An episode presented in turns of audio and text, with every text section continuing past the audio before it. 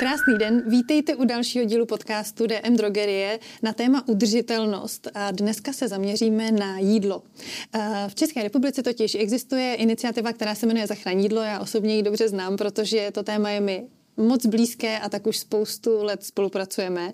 Takže dnešní host pro mě není nikdo neznámý, protože vedle mě sedí Marie Plojharová, která je členka iniciativy Zachranídlo. Ahoj. Ahoj, Jitko. Zachranídlo eh, se snaží nacházet cesty, jak neplýtvat potravinami, což je mi osobně hrozně sympatické, ale uh, ta nesympatická část, pojďme tím začít. Já jsem byla úplně v šoku, když se vlastně eh, člověk začte trochu do čísel a do statistik. Dočetla jsem se, že 53% eh, celkového potravinového odpadu v Evropské unii vzniká v domácnostech. To znamená, že jsme to my přímo doma, kdo vlastně vytváří nejvíc odpadu. Je to tak, vyplývá to ze stávajících měření a ze stávajících statistik a domácnosti. Je, je, máš třeba nějaký základní typy úplně jako pro začátečníka? Mě to téma třeba už nějakou dobu zajímá, takže samozřejmě vám, mám vaše produkty a knížky a podobně, protože Zachranídlo píše i uh, knihy s receptami a, a s typy na skladování, ale uh, kdybychom to jako schrnuli na takový ten úplný základ, co může udělat běžný člověk pro to, aby se nepodílel na tomhle hrozném procentu? Mm-hmm. Jsou to rady velmi jednoduché. Uh, vlastně vytvořené na základě selského rozumu. Krok číslo jedna je dobře plánovat nákup pomáhat si klasickým seznamem na papírku, seznamem na telefonu nebo si e, před odchodem na, do obchodu lednici vyfotit a vědět, co v lednici má, co bude potřebovat, když plánuje uvařit to a to. A další důležitý typ je, když si člověk přinese nákup domů, dobře ho uskladnit. Nedávat všechno automaticky do lednice, protože třeba exotické plodiny nebo cibule česnek do lednice nepatří. Zrovna v případě cibule by v lednici mohla vlastně začít zahnívat mnohem mhm. dříve, než když člověk ji uloží na suchém a klidně i teplejším místě. A, a další, další vlastně taková vychytávka, kterou si člověk do lednice může umístit, je krabička, kam si může napsat třeba nápis sněs mě jako první a dávat si do té krabičky věci, které e, potřebují v zásadě zachránit co nejdříve nebo kterým se blíží datum spotřeby, aby člověk věděl, odkud má odebírat jako první a vlastně minimalizoval to množství e, potenciálně vyhozeného nebo aby se mu vůbec nestávalo to, že něco vyhodí. A v neposlední řadě je dobré používat mrazák mm-hmm. používat mrazák, když eh, se člověku podaří nakoupit větší množství pečiva například. A v pečivo v mrazáku vydrží poměrně dlouho. V případě chleba se člověk může nakrájet jednotlivé plátky a jednotlivé krajíce si potom odebírat podle toho, kolik zrovna potřebuje. Stejně tak se do mrazáku dají i dát um, porce, které si člověk třeba navařil jich příliš velké množství a nepodařilo se třeba udat po příbuzenstvu nebo po přátelích, což je další způsob, jak uh, naložit s větším množstvím potravin, ze kterých se člověk v podstatě nevidí. Mm-hmm. Tak to vypadá, že jsem zdorňák, protože já mám uh, bylinky v mrazáku, mám tam přesně přebytky. Když dělám uh, dceři svačinky, tak si tam uh, zamrazím na příště, aby přeci jenom bylo, no to člověk vyndá, je to docela jednoduchý potom hned rovnou použít. A uh, vy vlastně všechny tyhle ty typy, já se vrátím k té knížce, kterou jsem zmiňovala, protože mě přijde úplně úžasná, protože uh, jmenuje se teda Zachranídlo uh, proti plítvání potravinami, říkám to dobře. Uh, já ji mám doma, mám doma dvě, doporučuji určitě všem. Vy tam máte jak typy na to, jak skladovat, jak si právě tady zmiňovala třeba cibuli. Mě ještě překvapilo rajče, to možná můžeš taky sdílet. Hmm, rajče do lednice taky nepatří. Uh, potřebuje pokojovou teplotu, protože ve chvíli, ve chvíli, kdy se dostane do lednice, uh, začne vlastně tak trošku moučnatět a ztratí svoji vůni a chuť, takže to jednak není takový gurmánský zážitek potom z něj a, a jednak um, se, se mu tam nedaří dobře, lepší je zachování v, při té pokojové teplotě a do lednice dostat jenom hraniční situaci, kdy člověk třeba už vidí, že je potřeba z toho uvařit, ten den možnost uvařit z něj nemá, tak si ho tam nechá teda do druhého dne a potom vytvoří omáčku den poté, ale všeobecně rajčata do pokojové teploty.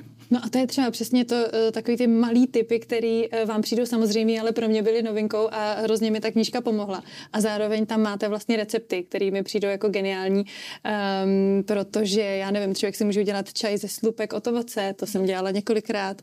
Uh, mrkev je fantastická v tom, že si můžeš nakrájet tu nať. Teď tady poučuju tebe, ale je to z vaší Děkuji. knížky, že? tady se trošku chlubím cizím peřím, ale jo, já mám to nastudovaný, protože se mi to opravdu líbilo. Um, Máš třeba ještě představu o tom, když se bavíme o tom plítvání, jestli plítvají víc třeba páry nebo jednotlivci? Je vyzkoumáno, že více plítvají jednotlivci a je to dáno pravděpodobně životním stylem, třeba v případě jednotlivců um, mladších generací, domnívám se, uh, kdy to třeba uh, zpracování všech potravin v domácnosti není priorita. Dovedu si představit, ale zároveň to hodně vyplývá i z toho, uh, v jakém množství nebo v jakých baleních se třeba v obchodních řetiscích nabízí potraviny k nákupu. Když je člověk single a chce si uvařit jídlo s, třeba s masem, tak často ten balíček obsahuje větší množství masa než na jednu porci a nemusíme se bavit jenom o, o singles nebo mladších generacích, ale dovedu si představit, že i pro seniory, kteří jsou třeba sam, sami doma, tak sníst kilo masa na první dobrou není úplně jednoduchá záležitost a přesně je potřeba potom s tím dál plánovat, a, umět zpracovat a, a, a nenechat to jen takladem. Mm-hmm. Jo, ty si říká teď mladší generace, já třeba zase Eh, jsem si všimla a bavila jsem se o tom s naší babičkou, která uh, mám pocit, že plítvá. A vlastně jsem jí to zkusila tak jako říct, že tohle přeci ještě by se možná dalo. A my jsme se o tom tématu bavili potom hloubše a ona zase říkala, že Ona mi vlastně řekla větu, Jituško, já jsem tak ráda, že si ty věci konečně můžu dovolit, mm. že já nad tím nechci přemýšlet. Mm. A v tu chvíli to pro mě byl argument, kdy jsem si říkala, dobře, tady moje cesta končí, já jsem se pokusila něco říct, budu uh, fungovat za sebe, ale uh, tenhle ten důvod nějakým způsobem chápu, ale myslím si, že přesně u nás mladších a, a u těch, kdo tam nemáme tuhle jako zátěž psychickou, uh, kvůli který bychom si to museli snažit dopřávat, tak že s tím se dá něco dělat. No. Mm-hmm. Já mám zase zkušenost s prarodiči odlišnou, kdy moji prarodiče byli poměrně velcí hospodáři, takže velmi jasně věděli, co to obnáší, aby uh, konkrétní plodina nebo kus masa vznikl. A že to absolutně není žádná samozřejmost a že zatím stojí velké množství práce a velké množství velmi cených nesamozřejmých přírodních zdrojů. Takže naopak uh, moji prarodiče uh, byli vždycky spotřebitelé spotřebitele do poslední kapky a zároveň potom měli i menší hospodářství, takže dokázali uh, případně nějaké nedojetky zpracovat uh, zase pro, pro jako krmivo pro zvířata. Takže mm. asi záleží přesně uh, na základě podle toho, jestli je člověk napojen uh, na hospodářství a má povědomí o tom, co to všechno znamená, aby vznikly, vznikly potraviny. Že potraviny nejsou jenom položky v regálech v supermarketu, ale že je to cenost absolutně nesamozřejmá, která vzniká z cených a z cených zdrojů, které nejsou nekonečné. A zároveň možná tam je i ta etická, etická stránka, protože, které můžou být i živé. Protože já, když jsem četla vlastně uh, na vašem webu, že na uh, jedno kilo ryb uh, se vlastně usmrtí 16 kilo živočichů mořských, mm-hmm.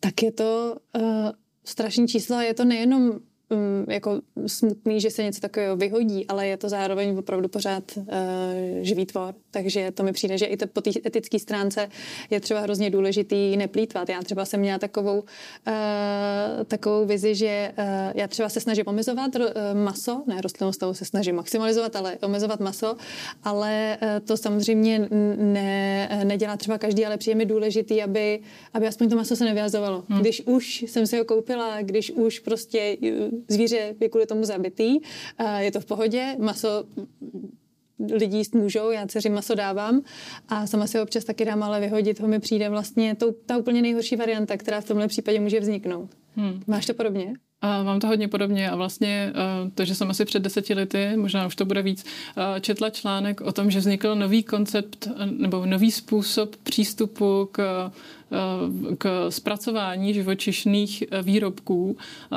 kdy eh, se začalo praktikovat postup nose to tail od čumáčku po ocásek, že když už je teda se usmrtí zvíře na, pro spotřebu pro člověka, tak by bylo dobré, aby se zpracovalo od čumáčku po ocásek. A, četla jsem to jako velikou novinku a byl to pro mě veliký šok, protože jsem nečekala, že to je něco novátorského, ale považovala jsem to za přece automatickou logickou praktickou praxi a, a na základě toho i to byl vlastně hlavní spouštěč, proč jsem začala se po tom tématu víc pídit a rozkrývat další a další souvislosti.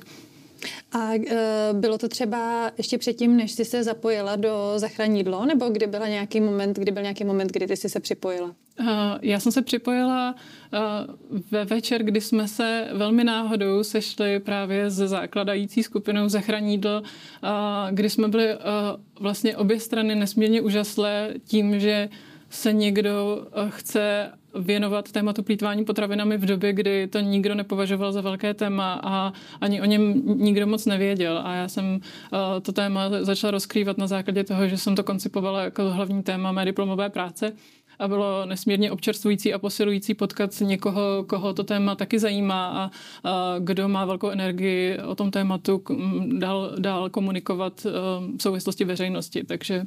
Kdy to bylo, kdy to ještě nebylo téma teda? Uh, no, bylo to v roce 2010. Mm-hmm. Ty bláho. 2010-2011 to bylo vlastně období, kdy se začaly rodit moje nápady na diplomovou práci a potom se zachrání jídlo jsme se potkali, myslím, um, rok na to a zachrání v roce 2013 vlastně jsme zorganizovali velkou hostinu pro tisíc uh, na Václavském náměstí, kdy jsme s potravin, které nevyhovovaly kvalitativním požadavkům uh, k prodeji, tak jsme uvařili tisíc obědů pro veřejnost a tam jsme vlastně poprvé otevřeli to téma a um, byli jsme úžaslí tím, tou reakcí veřejnosti i médií a vlastně původní plán byl udělat hurá velkou akci na Václavském náměstí a, a nechat vlastně to tak jakoby k dispozici, ale tím, že jsme viděli takovou velkou erozu a velkou energii, tak jsme si řekli, to takhle nemůžeme nechat mm-hmm. a, a na základě toho vznikl nápad, že tedy zachranídlo se zaregistruje jako spolek a, a teď je z toho m, mm, vlastně organizace profesionálů, kteří se tomu věnují na denní bázi a jsou za to placení v důsledku čehož se tomu můžou věnovat velmi dobře a, a je to velká radost. A zároveň měníte legislativu, protože já jsem byla součástí vašeho charitativního projektu, eh, kdy se vlastně um, řešilo to, že třeba v jedné jídelně se vyhodí denně až 25 kg potravin a přitom by se mohl uh, nakrmit kdokoliv, kdo nemá domov, kdo si nemůže dovolit prostě uh, maminky, samoživitelky, samoživitelky, starší lidé. Takže uh, tam byla ta úžasná akce, kdy vy jste se snažili jako dokázat, že to půjde a ono už to jde. Kolik se toho podařilo? Je to velká radost, ano, a teď vlastně eh, hodně zachránidlo pracuje na projektu Daruj oběd, eh, kdy eh, se od, vlastně od března tohoto roku podařilo distribuovat už 10 tisíc kvalitních hodnotných obědů z, mm, vlastně z profesionálních jídelen, jídelen, podnikových jídelen, které by jinak přišly v več, protože třeba mm, zrovna člověk, který se, si ten oběd objednal, nepřišel, nebo navzdory tomu, že existuje velmi sofistikovaný systém plánu, plánování mm, těch mm, porcí, tak se to ne, nedaří naplánovat dokonale. Takže několik, několik vlastně typů potravin nebo pokrmů se se vyhazuje denně, takže zachraní jídlo se podařilo vlastně umožnit to, aby tyto obědy putovaly klientům azylových domů a takže vlastně lidé potřební, pro které je tento, tento pokrm plnohodnotný naprostý luxus, tak je to velká, velká satisfakce a, a vlastně úleva, že se daří zprostředkovat tento proces a minimalizovat tak plítvání. Mm-hmm. Co se týká ještě toho plítvání, tak mě napadá, eh, Češi si často pletou eh, dvě slova a to je minimální trvanlivost do a spotřebujte do. Mm-hmm. Tak pojďme. Jdeme na to. Minimální trvanlivost je termín, který se, eh, kterým se označují potraviny, které se méně kazí. Eh, ku příkladu mouky, sušenky nebo například čaje. Eh, a vlastně je to, ehm, je to datum, které podle výrobce určuje čas, do kterého výrobce garantuje, že ta potravina bude mít nejvyšší jakost. A v tom smyslu, že sušenka bude nej, nejvíce křupavá do toho termínu, že ten čaj bude nej, nejvoňavější. A jakmile ta potravina překlene to, tenhle termín, a tohle datum, neznamená to, že je zdravotně závadná, a v nejhorším případě nebude čaj tolik vonět a v nejhorším případě sušenka nebude mít tu ideální barvu jako na obrázku ale pořád potraviny, kterým eh, vlastně projde tady ta minimální trvanlivost, je možné i dál v obchodech prodávat, samozřejmě eh, ve speciálně určených sekcích. Ale skutečně nejde o nějaké zdravotní riziko, pokud člověk spotřebuje potravinu po minimální trvanlivosti. Další, uh, další běžný termín je termín spotřebujte do. Uh, to už je termín, který určuje, uh, kterým se označují potraviny, které se víc kazí, čerstvější maso, mléčné produkty a podobně. A vlastně určuje termín, do kterého nebo po kterém už by ta potravina mohla být závadná. Takže je dobré vlastně si toto hlídat a zároveň mít na paměti, že tady ten termín um, nebo že neexistuje žádná uh, hygienická nebo zdravotnická autorita, která by uh, výrobcům potravin uh, vlastně udílela uh, rady, kdy tenhle termín stanovit. Takže ten termín je vždycky stanoven tím výrobcem a výrobce si samozřejmě na základě znalosti těch eh, surovin, které tam dává, stanovuje ten termín. Ale ten termín stanovuje i na základě toho, že si přeje, aby vlastně těch eh, svých výrobků prodal co největší množství. Takže ve mhm. chvíli, kdy stanoví to, ten termín pro jistotu dřív, tak vlastně navede ty své odběratele k tomu, aby um, ve chvíli, kdy už v jejich skladech bude se blížit ten termín spotřebujte do, aby zase byl motivován k tomu si koupit čerstvější.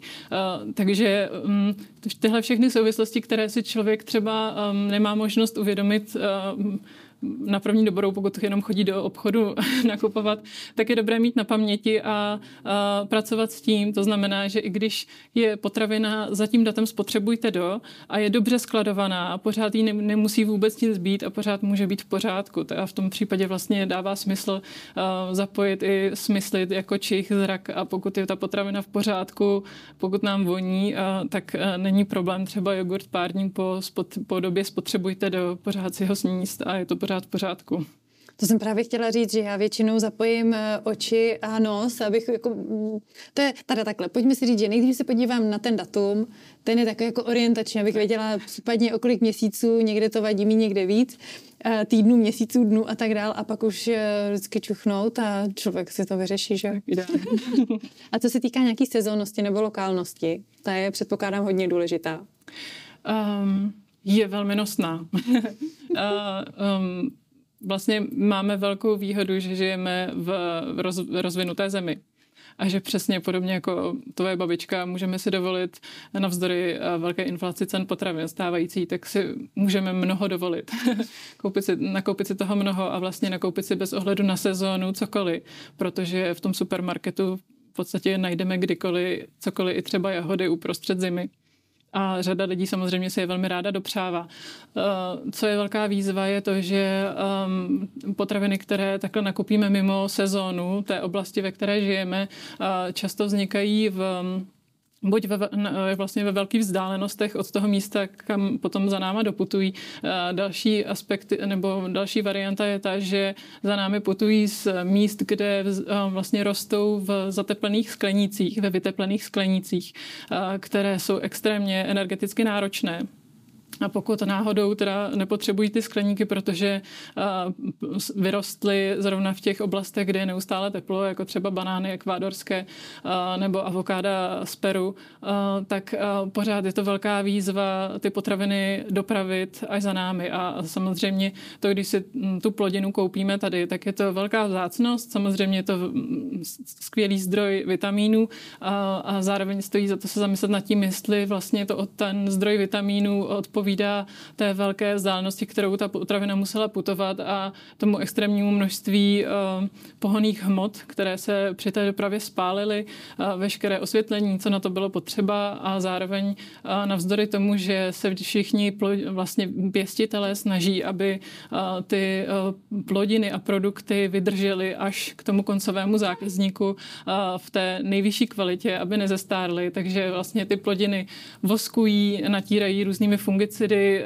na těch potravinách často jsou zbytky i pesticidů, tak i když e, existují takováhle extrémní opatření v podstatě, e, tak stejně spoustu těch potravin nebo těch plodin nepřežije celou tu trasu a třeba neprojde síty kontroly kvality na jednotlivých překladištích. Takže tohle všechno se stane proto, abychom potom měli v regálech čerstvá avokáda, nebo čerstvé banány na denní bázi a, a samozřejmě potom ten koncový spotřebitel platí veškerou cenu za celou tu úrodu, která se vydala na tu cestu, takže um, rozhodně neplatíme jenom za tu jednu, hmm. jednu plodinu a ta cena potom jde těm lidem, kteří se starali o tu dopravu. Rozhodně už neputuje k těm farmářům, takže vlastně pokud si říkáme, že vlastně podporujeme tamní farmáře, tak tomu tak vůbec není a vlastně stojí za to zamýšlet se nad tím, jestli, jestli je potřeba podporovat veškerý tady ten obchod, který z mého úhlu pohledu hmm. úplně nedává smysl